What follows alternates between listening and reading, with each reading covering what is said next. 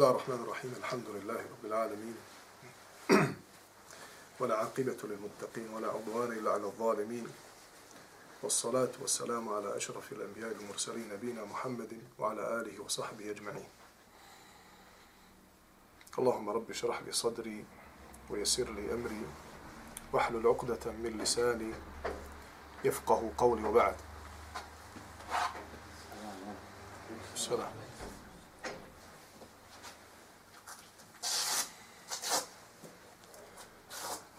dalje se družimo sa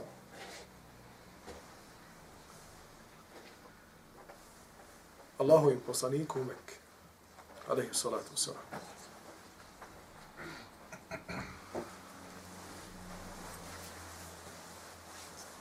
I razmišljajući o tome čemu svaki put da govorim, u istinu pokušavam da iz njegove, sallallahu alaihi ve sellem biografije uzmem ono što smatram lično da bi nama u ovim danima moglo da bude od pomoći.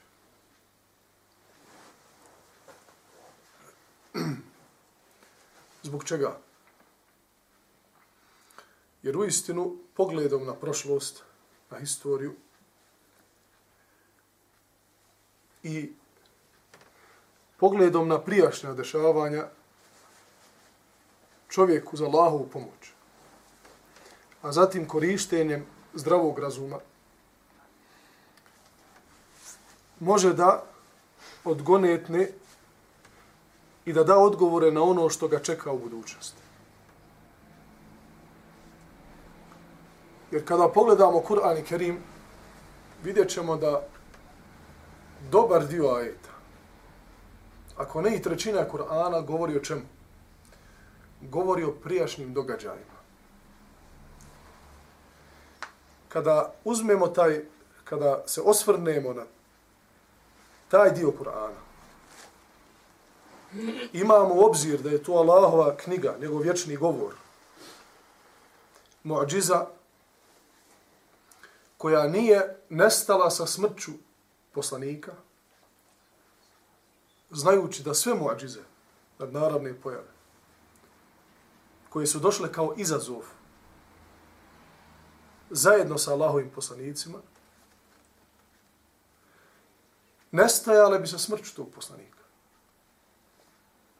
Kao što je bio Musaov štab, kao što je bilo oživljavanje mrtvih, Allahovom dozvolom od strane Isale i salatu salam i tako dalje. Jedina nadnaravna pojava muadžiza, koja je ostala nakon smrti jednog od Allahovi poslanika, je Kur'an i Kerim. Ona je izazov i ostaće izazov do sudnjega dana. Štap je bio izazov za faraona. Dovede preko sto hiljada sihribaza da odgovori na taj izazov. I padoše na ispitu. U doba Isa, alaih salama, medicina je doživljavala u tom vaktu vrhunac. Pa je Allah, tebareke wa ta'ala, poslao na naravnu pojavu koja je odgovarala vremenu i prostoru kojim se nalazi dotični poslanik.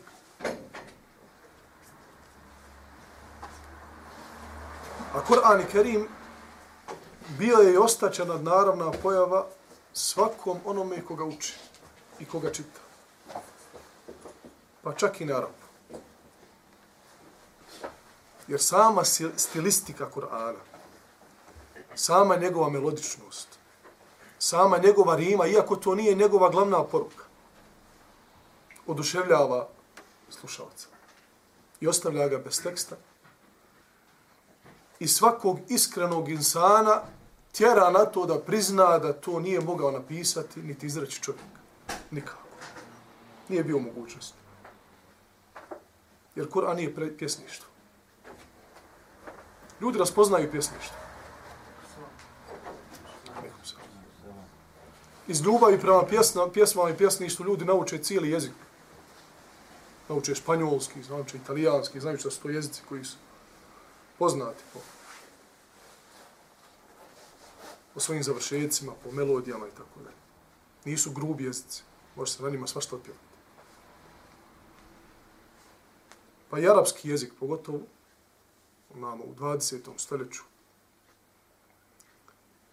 e, i početkom ovoga stoljeća, vidjet ćemo veliko, veliko interesovanje za Kur'an i Kerim od strane orientalista. Gdje da su mogli da nađu adekvatnu grešku koja će porušiti temelj onoga na čemu su muslimani, to bi učinili do sada. Da su mogli doći sa jednom kratkom surom, koja će odgovoriti Kur'an i Kerimu, došli bi. Ali izazov ostao i ostaće do sudnjega dana. Volen je tu. I Allah je kategorički rekao, nikada neće doći sa nečim sličim Kur'an. Ta savrše, to savršenstvo Kur'ana i Kerima također se odlikuje kroz ovu trećinu o kojem smo malo prije rekli. Da Kur'an i Kerim ciljano ostavlja trećinu sebe govoreći onome što je bilo prije. Samo zbog toga da mi čuli ili da bi znali šta je Allah uradio sa prijašnjim narodima, ili samo zbog toga, la yus'alu amma yaf'al. Allah se ne pita za ono što radi. U ovom yus'alu oni će biti pitani. Međutim, braćo moja, ostavljeno nam je to da sakupimo iz toga iskustvo.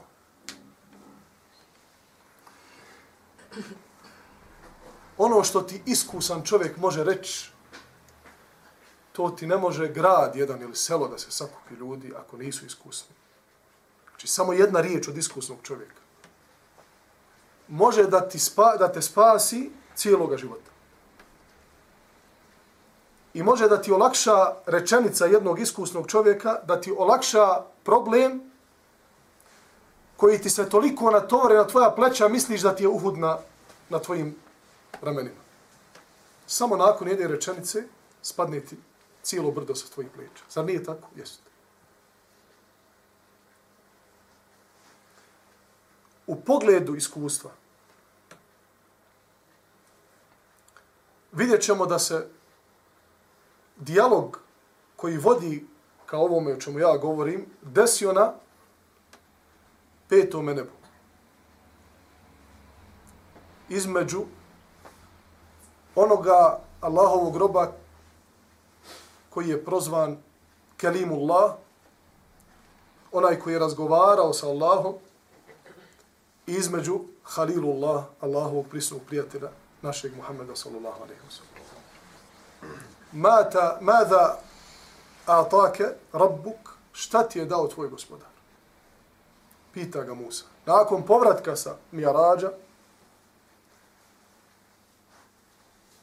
فقال آتاني خمسين صلاة dao mi je mom umetu 50 namaza. Kaže mu Musa, tvoj narod to neće izdržati. Zbog čega mu je to rekao? Iz iskustva. Pa mu je neprestano Allahu poslanik alaihi salatu wasalam dolazio kao što došlo vjerodostojno i svaki put je tražio od Allaha olakšicu.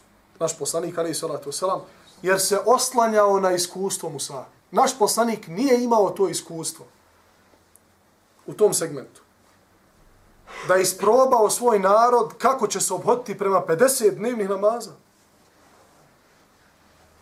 Mi danas često imamo problem da naše komšiju, prijatelja, nekoga iz naše rodbine, ahbaba, posavjetujemo da obavi pet vakata namaza. A šta mislite da mu kažete?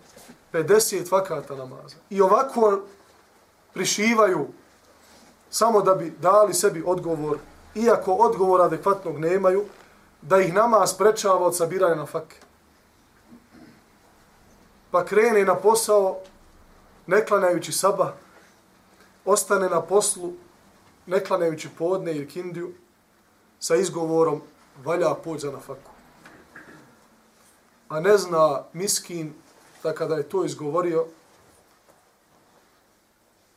da je tada rekao bježim od vlasnika na fakir da je tada rekao ne želim da pokucam na vrata onome ma uridu minhum mir rizqin wa ma uridu an yut'imun. Allah kaže ne želim od njih nikakvu obskrbu niti želim da me hrane. Inna Allahe huwa ar-razzaq. Allah je taj koji obskrbuje dhul quwwati al-matin snažni Ovi ajeti su braćo došli nakon ajeta u kome Allah kaže وَمَا خَلَقْتُ الْجِنَّ وَالْإِنْسَ إِلَّا لِيَعْبُدُ Nisam stvorio ni ljuda, ni džine, sem da me obožava. Ako želiš Allahu robe obskrbu, radi, ali u skladu sa onim što je došlo kitabom i sunnetom. Kako bi pokucao na prava vrata. Jer često ljudi kucaju na kriva vrata na fake, pa im ona ne dolazi i žale se zbog neimaštine. A zakletve su došle u Kur'an i Kerimu, da, gdje Allah subhanahu wa ta'ala kaže o fissama i rizku kumoma adu. U nebesima, na nebesima je vaša obskrba. Tražite je od onoga koji je na nebesima. I one vaše sve želje, oma tu adun, sve vaše želje, sve ono što želite u vašim prsima, što možda i svojim najbližnjima ne želite da kažete, da podijelite, Možda vas je stid da vaše želje iznesete. Allah zna za njih. Obratite se njemu, dignite ruke. Fa wa rabbi samai wal ard. Tako mi gospodara nebesa i zemlje innahu la haqq To je, uisti, to je istina čista. Nema sumlje u to. Mithlama ennakum tantikun, kao što vi pričate, tako je istina da je vaš, vaša nafaka na nebesu. nakon tog dijaloga između Musa i našeg poslanika, ali salatu selam, dolazi ovaj moment kada Musa izgovara tu riječ. Kaže, o Muhammede, traži od svoga gospodara da ti olakša, ja sam iskusio Benu Israilčane. I liječio sam ih svim mogućim antibioticima. Sve moguće lijekove sam pokušao. Podsjeću ih na Allah. Nisu mogli da ustraju. Pitaj Allaha, moli ga da ti olakša. Svi ti događaji koji su u Kur'an i Kerimu, koji nam govore o prijašnjim narodima, tu su i mi ih čitamo i ponavljamo i sure u suru kako bi sakupili iskustva u životu. Zbog toga, braćo, moje iskustvo je veliko blago. Pa, shodno tome naši stari znaju reći, kaže, imaju djecu ove škole i ekonomske, i medicinske, geološke, i matematičke, ali, kaže, životna škola je. I zaista je tako. I najskuplja i često najvrednija. Životna škola je često najskuplja i najvrednija. E zato, mladiću moj, nemoj oklijevati da kada imaš problem, kada imaš situaciju, kada imaš polemiku, dilemu, da zaustaviš, da nazoveš, da odeš starijem, iskusnijem, pa da se sa njim posavjetuješ.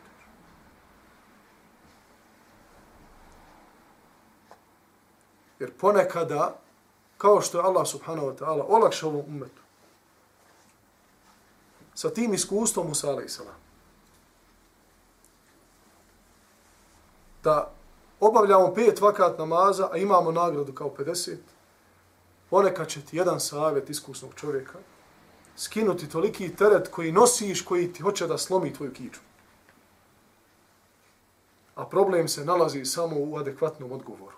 Ti ne možeš da se snađeš. Također, pogledom na mekanski period, Allahu poslanika, alaihi salatu wasalam, ashaba, i sve ono kroz što su oni prošli. Mi muslimani iščitavamo čitabe, čitamo njegovu biografiju, alaihi salatu salam, kako bi uzeli iz toga iskustvo. nemojmo početi on odande, odakle su ljudi počeli. To je stara arapska izreka. Nego počnite sa onoga mjesta gdje su ljudi završili. Ne. Ti se babo naživio, eh, lako je tebi sad u 50 im pričat, meni dersit kako da ja radim, hoću ja da vidim života. Tvoj babo hoće da ti skrati put. Tvoj ahbab koji je stariji od tebe 10, 15, 20 godina i više, onaj dedo u džami, zagrlite pa ti kaže, sinko, nemoj tako i tako. On hoće da ti skrati put. Hoće da ti kaže, umjesto da ideš okolo skroz kružni. Evo ovdje, ovo je put koji nema gužve, samo pravo ali često mi odbijamo ta iskustva koja su ponekada plaćana, plaćana sa teškim suzama i neprespavanim noćima. Pa želimo da i mi iskusimo tu gorčinu, a također ima arapska poslovica koja kaže pametan je onaj koji uči iz tuđih iskustva. Pametan je onaj koji iz tuđih iskustava uzme povuku.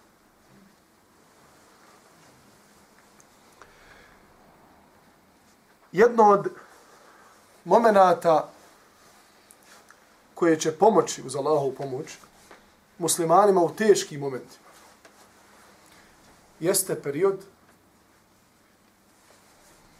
odluke i naredbe Allaha subhanahu wa ta'ala i spremanja našeg poslanika ali salatu wasalam na hijđru iz Mekke u Medinu.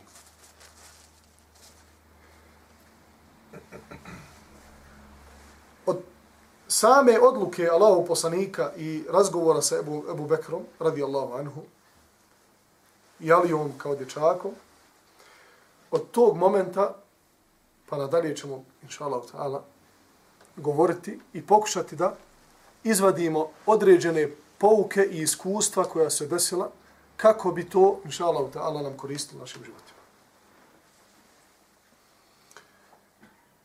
Allahu poslanik, alaihi salatu wasalam,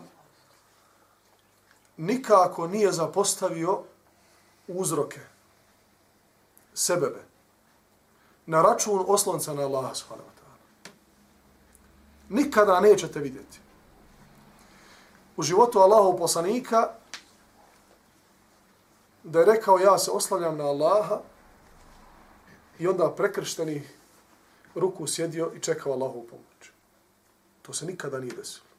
Pa ni u ovim mogu slobodno reći, jednim od najtežih momenata njegovog poziva u islam.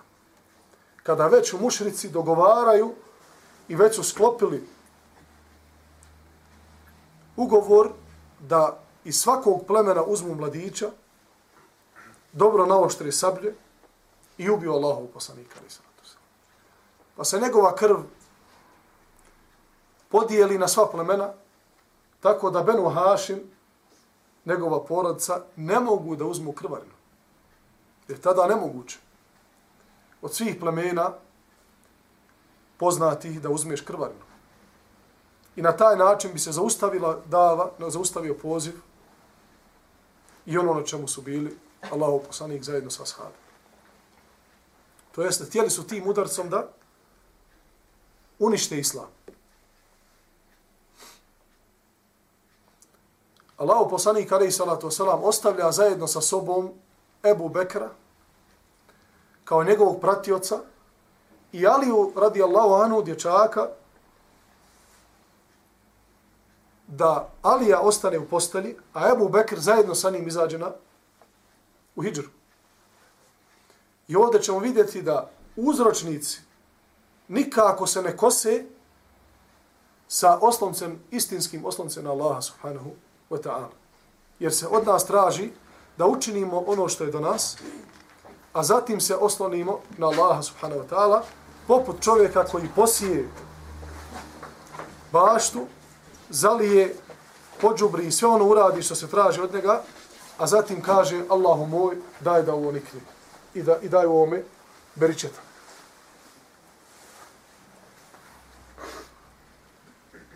Također,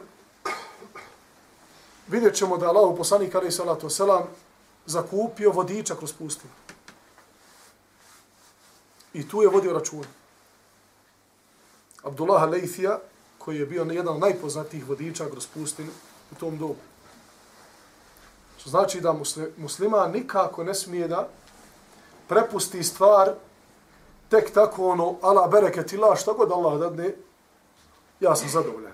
Ne. To je pogrešno, pogrešan pristup osloncu na Allaha.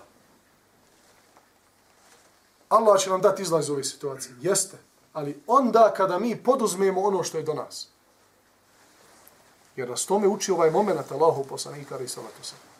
Kada ostavlja sa sobom Ebu Bekra da, da mu bude drug, da zajedno sa njim putuje, ali radi Allahanu u postelji, kako bi mušrici cijelu noć, pošto su stražarili tu noć kada je izašao Allahov poslanik do pećine Theur, zajedno sa Ebu Bekrom, mušrici su to sve pratili. Međutim, Allah je uspavao u momentu kada izašao Allahov poslanik iz kuće, ali su oni proverivali s vremena na vrijeme kroz prozor i cijelo vrijeme su primećivali da neko spava u postavi. To je dovoljno vremena dalo Allahom poslaniku, ali i salatu selam, zajedno s Ebu Bekrom, da se sklone u pećinu, da budu tamo sigurni. I ovdje imamo također ulogu žene u islamu, znajući da je jedna od ključnih uloga u hijđi Allahov poslanika, ali i salatu salam, izvelek kćerke Ebu Bekr radijallahu anha, Aisha radijallahu anha i Esma, koja je nakon tog događaja dobila nadimak vlasnica dva poveza, znajući da je razderala svoj povez koji je nosila oko sebe, kako bi nosila hranu, znajući da je Allah poslanik, ali salatu wasalam, zajedno sa Ebu Bekru radijallahu anhu, ostao u pećini Thor tri dana i tri noći. Ali radijallahu anhu ostaje u posteli i žrtvuje svoj život zaradi Allahu poslanika i njegove sigurnosti.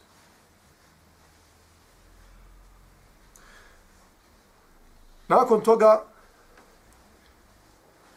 bitno je da musliman u svom pozivu, u svom islamu, u svoje biti bude iskren u svim svojim namjerom. Da sve njegove namjere budu u ime Allaha subhanahu wa ta'ala kako bi Allah dao beričeta u tome što on radi. Jer Allah u poslanika salatu wasalam, Abu Bekr, i ostali ashabi koji su učinili hijđru, poznato je da do bitke na Bedru ili do posle bitke na Bedru nije bilo munafika. Nije bilo licemira. Da su to bili sve jedan iskren Allahov rob, kome Allah subhanahu wa ta'ala dao izlaz napuštajući Meku, dao im je utočište u Medini. Jedno od poruka Hidže Allahu poslanika, ali salatu wasalam, je davanje značaja jednom od najljepših gradova na svijetu, a to je Medina Muravora, koja nikako ne bila poznata da nije bilo hijđre. I ona je poznata i dobila svoje mjesto u islamu zbog hijđe Allahov poslanika, alaih salatu wasalam, iz Mekke u Medinu. I vidimo iz ovoga koliko je hijđra i koliko su ta dobra djela bježanjem sa, svoje vjer, sa svojom vjerom i čuvanjem svoje vjere, koliko određena mjesta koliko određene postupci mogu da dobiju na značaju zbog urađenih dijela radi Allaha subhanahu wa ta'ala. Tako i danas musliman koji radi u ime Allaha subhanahu wa ta'ala, njegovo dijelo će ostati duboko, duboko zarezano i neće Allah dopustiti dopusti da ta, da ta dijela propadnu. Kao što je poznato od imama Malika da kada je počeo pisati muotu svoje hadijsko dijelo koje je poznato danas svakom onome koje je pokucao na vrata talebul ilma, skupljanja znanja, traženja znanja islamskoga. Preko dvije stotine mueta su počeli da pišu oni koji se bavili znanjem u to vrijeme. Ogledajući se ili uzeći od imama Malika ideju o pisanju takvog jednog djela. Pa mu njegovi učenici kaže jednog dana, kaže, nemoj se džaba trudit da to završiš djelo, jel, za 100-200 godina neće više znat čija je čija muota, jer preko 200 ljudi pišu muotu. Isto dijelo, isti naziv. Čemu toliki trud? Ima Malik je odgovorio svojim učenicima, innama je taqabbalu Allahu minal muttaqin. Allah u istinu prima samo od bogobojazna. Koliko danas mueta ima na svijetu? Samo jedna od imama Malika. Gdje oni dvije stotine?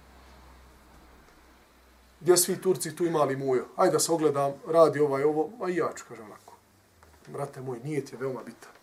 Zbog toga Allah, Allah subhanahu wa ta'ala je dao beričet ashabima zajedno sa Allahovim poslanikom, da njihova hijra i njihova dava i njihov poziv uspiju. Musa ibn um-, Umeir.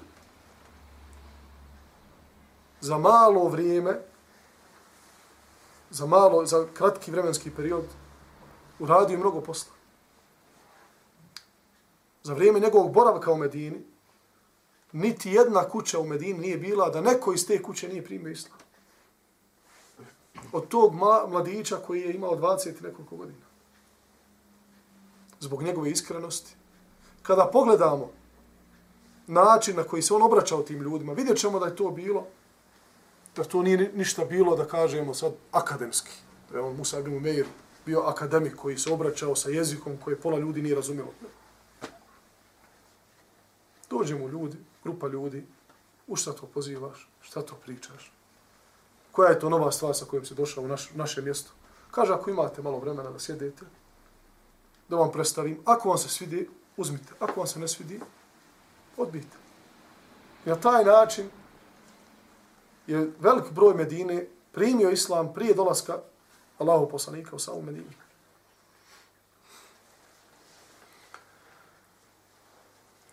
Također iz ovog događaja, hiđe Allahov poslanika, njegove tuge u napuštanju same Mekke, njegovog poznatog govora o Mekko divna li si i tako dalje.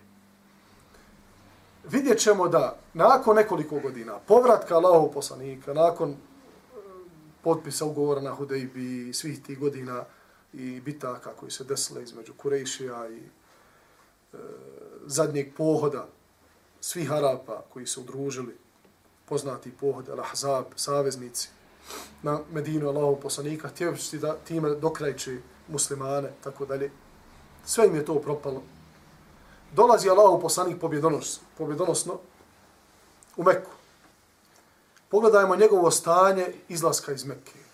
Prognan. Nekoliko puta već pokušali da ga ubiju i sve to. Pogledajmo koliko je eh, bio merhametli prema svom narodu nemoj, nemojmo to nikada gubiti iz vida. Koliko je bio merhametli prema onima koji su ciljano htjeli da ga ubiju.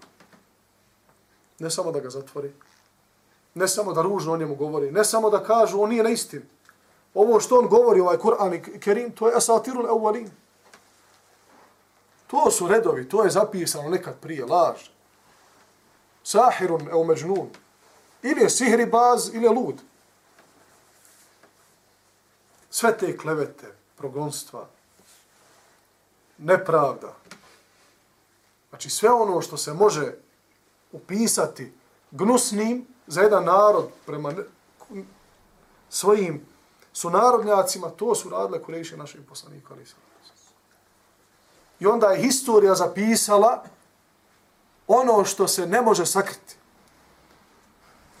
وَأَمَّا مَا يَنْفَعُ النَّاسَ فَيَمْكُثُ فِي الْأَرْضِ Allah kaže, Jer Allah je taj koji je spustio zakone, braćo, na ovaj svijet. Ono što koristi ljudima ostaje. Ono se diže gore. Pa kaže, koga može spustiti? Ne može niko. Jer ono što Allah uzdigne, ne može ga ništa spustiti. Fa amma zabedu fa jedhabu džufa. Šta odlazi? Šta nestaje? Ono što ne koristi ljudima. Ono što je otpad, to odlazi. I to ljudi ne žele. To ljudi sapira ispred svojih avlija pa makar i sami napravili taj nered, jednoga dana uzme metlu i kaže daj da ovo počisti. Jer i on sam zna da je to nered što je napravio. Historija je zapisala rečenicu koja ako se do sada nije napisala zlatom, vredi da se napiše. Idhebu fa entum utolaka. Idite, ja sam, vas, ja sam vam oprostio. Idite, ja sam vam oprostio. Iako je imao pravo, ali salatu salam, na odmazdu, imao je pravo da se odsveti, Imao je pravo da im sankcije udari. Ne, ništa od toga. Obratio im se fino, pozvao je islam. Odmah nakon toga i pridružio svoje vojsce. Odmah nakon prve bitke, šta želite, Dunjaluk, evo. Muhađir Ensarije ostali bez išta. Oni novajlije u islamu.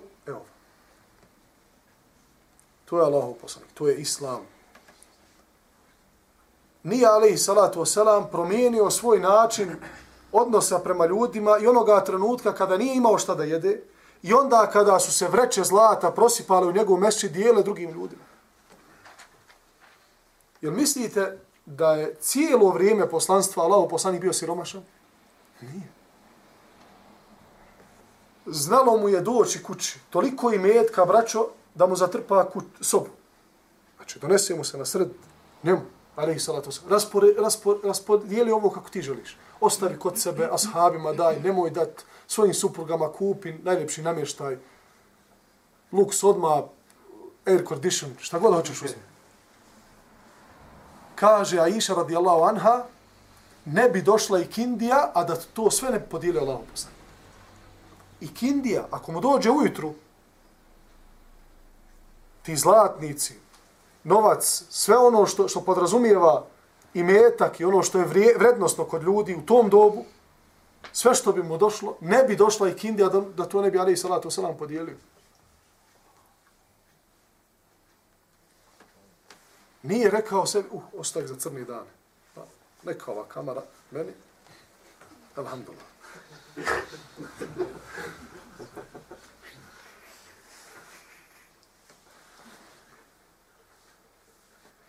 Nego je Ali salatu selam vidjet ćemo da također kroz Meku, kroz Medinu, kad nije imao, kad je imao, da je uvijek nastojao da sa svim slojevima društva sjedi. I sa poglavarima, dolazimo u delegaciju, paste, to doba, ono što se naziva sada delegacijom, tada je bila delegacija. Pa dobro kaže, jahali su deve. Pa brate, tada je deva bila Mercedes. Danas delegacije kada dolaze državnici, pa od, ili prevoze se privatnim avionom, ili dođu helikopterom, ili BMW-ovima, ili... u to vrijeme je to bilo prevozno sredstvo. Dolazi delegacija, sjedi Allah poslanik. Priča ili podiže stepen svog govora na njihov nivo, da ga oni razumiju. Došla delegacija, dolaze im iz Kini, sjedi sa njima, Allah poslanik, ali salatu spušta sa njihov nivo. Ne ostaje na nivou onoga, one diplomacije. Nikako. Znao je Ali Salatu Salam ko je pred njim i na koji način da se obhodi sa njim. Pa i onaj diplomata koji dolazi kao predstavnik svoga naroda ide zadovoljan. Ah, kaže, dolazi vam od čovjeka koji se ne boji siromaštva. Jer kada je došao taj delegat, Allah poslanik Ali Salatu Salam Ne samo da mu je stavio u džepove, nego nije moglo stati ni ispod pazuha i u ruke, ovako je nosio. Evo ti sve. I on se vraća na svome narodu i kaže, dolazim vam od čovjeka koji se ne boji siromaštva. Koji je ubijeđen da onaj koji će ga skrbiti je gospodar svjetova. Ne ostavlja sebi. Ne kaže ti primi islam, sabura, alhamdulillah, kod mene sve. A, sabur, braćo nego se suosjeća sa čak i onima koji nisu u Medini, koji su izvan. Možda taj delegat više nikad neće doći. Ali želi da poruči tim narodima, o ljudi, nemojte se brinuti. Kao što je Allah poručio Mekenlijama. Kada su razmišljali o primanju islama ili ne, kaže, uf, ako primimo islam, neće nam onda dolaziti trgovci. Ako bude onaj hađ njihov, dok su bili u škipovi, mušički hađ. Trgovci iz cijelog arapskog polotoka i dalje od toga dolaze sa svojim namirnicama, trgovalo se sa platnima, sa raznim suhim voćem, ovo ono. Sa, sa, sa. Kaže, ako primio islam, prekide se trgovina, diplomatski odnosi. Pa je Allah posjećana. Ko je taj koji vam je dao da ste sigurni u Mekke? A narod oko vas se ubija, lopovi, drumski razbojnici, pokradoši, vas niko ne dira. Ko je taj koji vam je to dao? Ko je taj koji vam je dao da iz čitavog arapskog polotuka namjernice dolaze u Meku? Jer je Allah Meku učinio svijetom još prije. Ko je taj koji vam je dao da ne, ne mrdnete iz Mekke, a dobivate iz Šama namjernice, iz Jemena namjernice, iz sjevera arapskog polotoka, isto. Dakle, više želite. Allah vam je to sve dao ljudi. Primite islam. Allahu poslanik tio time da poruči, da kaže, ja se ne bojim siromaštva. Evo vam sve. Sjedi sa miskinom, također se spušta njegovim nivom. Razgovara sa njim, ima vremena. Pa taj miskin izađe, siroma, izađe iz sjela Allahov poslanika, iz njegove kuće, podijelio sa njim koliko vremena imao, alaihi salatu salam da sjede malo, da mu dadne vremena, da sasluša njegove probleme. I ovaj čovjek izađe iz njegove kuće, kao što je došlo u vjerodostojnim hadisima, smatrajući da je on najdraži čovjek Allahov poslaniku. Zamislite, taj se Roma bijeda, ne, ne želi sa njim. Znate, u svakom vremenu imamo slojeve društva. Imamo bogate, imamo, imamo radne, razne, razna porijekla, prezimena kao što po Sarajevi imamo prezimena ta i ta, pa kaže, mi su prvi tamo zapisani, a Austro-Ugari su nas zapisali, pa ovo, pa ono. Pa oni, kad pričaš sa njima, ko da nešto vas da grlu imaju. Nema ugrlu, nego on želi da kaže, ja sam na nivou, poštuj me. Tako i siromasi, ehlu sufe, na primjer, u doba Allahu poslanika su bili u zadnjem dijelu mesčida, siromasi koji su čekali da im neko donese. Allah poslanik se družio sa njim. Sjedio bi sa njim. Pa bi oni pomislili da su najdrži Allahov poslanik. Tako se desilo sa jednim od tih miskina, da toliko je se unio u, u razgovor sa Allahovim poslanikom i toliko je tu ljubav bilo među njima, da mu je na kraju rekao, Allahov poslaniče, ko ti je najdraži? bio je ubijeđen da će Allah poslanik spomenuti njegov ime. Vraćo, to otkriva plemenitost to Allah poslanik. Sallallahu alaihi wa sallam. Da toliko bude dobar prema čovjeku da ga ubijedi sa svojom dobrotom i svojim odnosom, svojim lijepim govorom, da mu je najdraži čovjek. Pa se ovaj razočarao kada je čuo odgovor. Ali razočarao se u tolikoj dozi da mu Allah poslanik Ali Salatu Salam kaže pored toga što sam dobročinitelj prema tebi što sam ti dao ali Ebu Bekr je Ebu Bekr. Ebu Bekr je Ebu Bekr.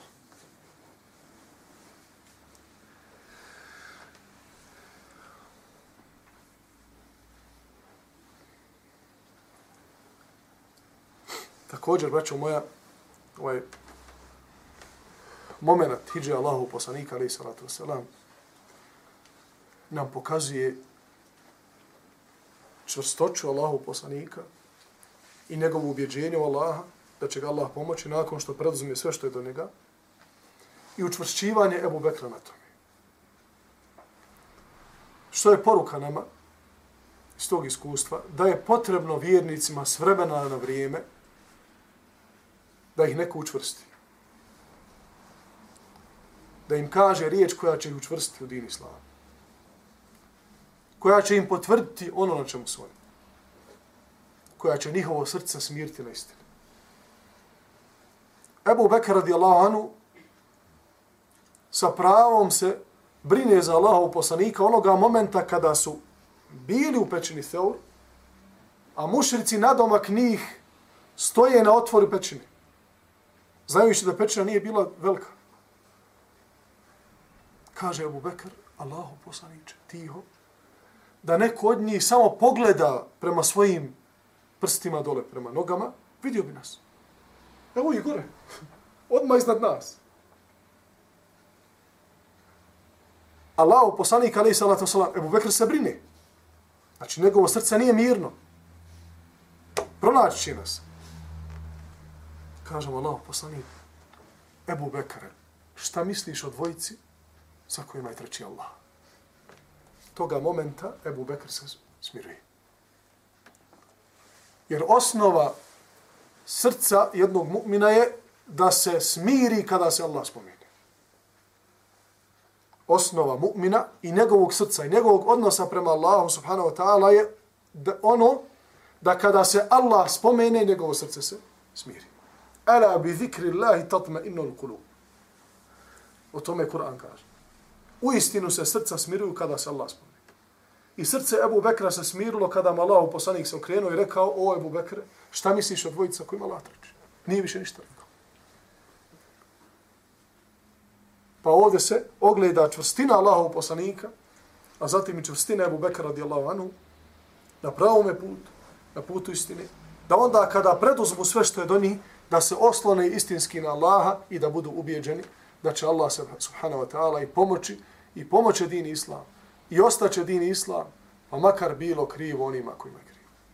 I nikada neće biti dunjaluka, a da na njemu neće biti Islama. Onoga momenta kada ne bude islama u ljudskim srcima, kada ne bude spomena na, na Allaha u ljudskim srcima, prije ljudskih jezika, i kada ne bude tavafa, braćo moja, tada neće biti dunjaluka, tačka. Tada se sve ruši, tada počinje sudni dan, tada počinje suđenje, proživljenje i tako dalje. Tako da s pravom možemo da mirno spavamo, ako neko pomisli da će ili mediji ili određene države ili svjetske sile ove ili one dokrajčiti islamu, ne? Nikada se to neće desiti. Mi možemo s pravom poručiti reći u islamu je spas. Udhulu fi silmi kafe, Allah kaže. Uđite u mir potpuno. Allah subhanahu wa ta'ala islam naziva mirom. Jeste sam, sama riječ islam došla od salam, što znači mir. Nije islam došao da kolje i da ubija, tako mi uzvišno da Allah. Ko kaže, vara vas. Nemojte uzimati vjeru od malumnika koji ni dva džuza ne zna da sastavi, a kamoli da, da zna Allahu vjeru. Učite Allahu vjeru od onih koji znaju. I uzimajte savjet od onih koji su iskusni. أقول قولي هذا واستغفر الله لي ولكم سبحانك اللهم وبحمدك أشهد أن لا إله إلا أنت استغفرك وأتوب إليك نستغفر إن شاء الله تعالى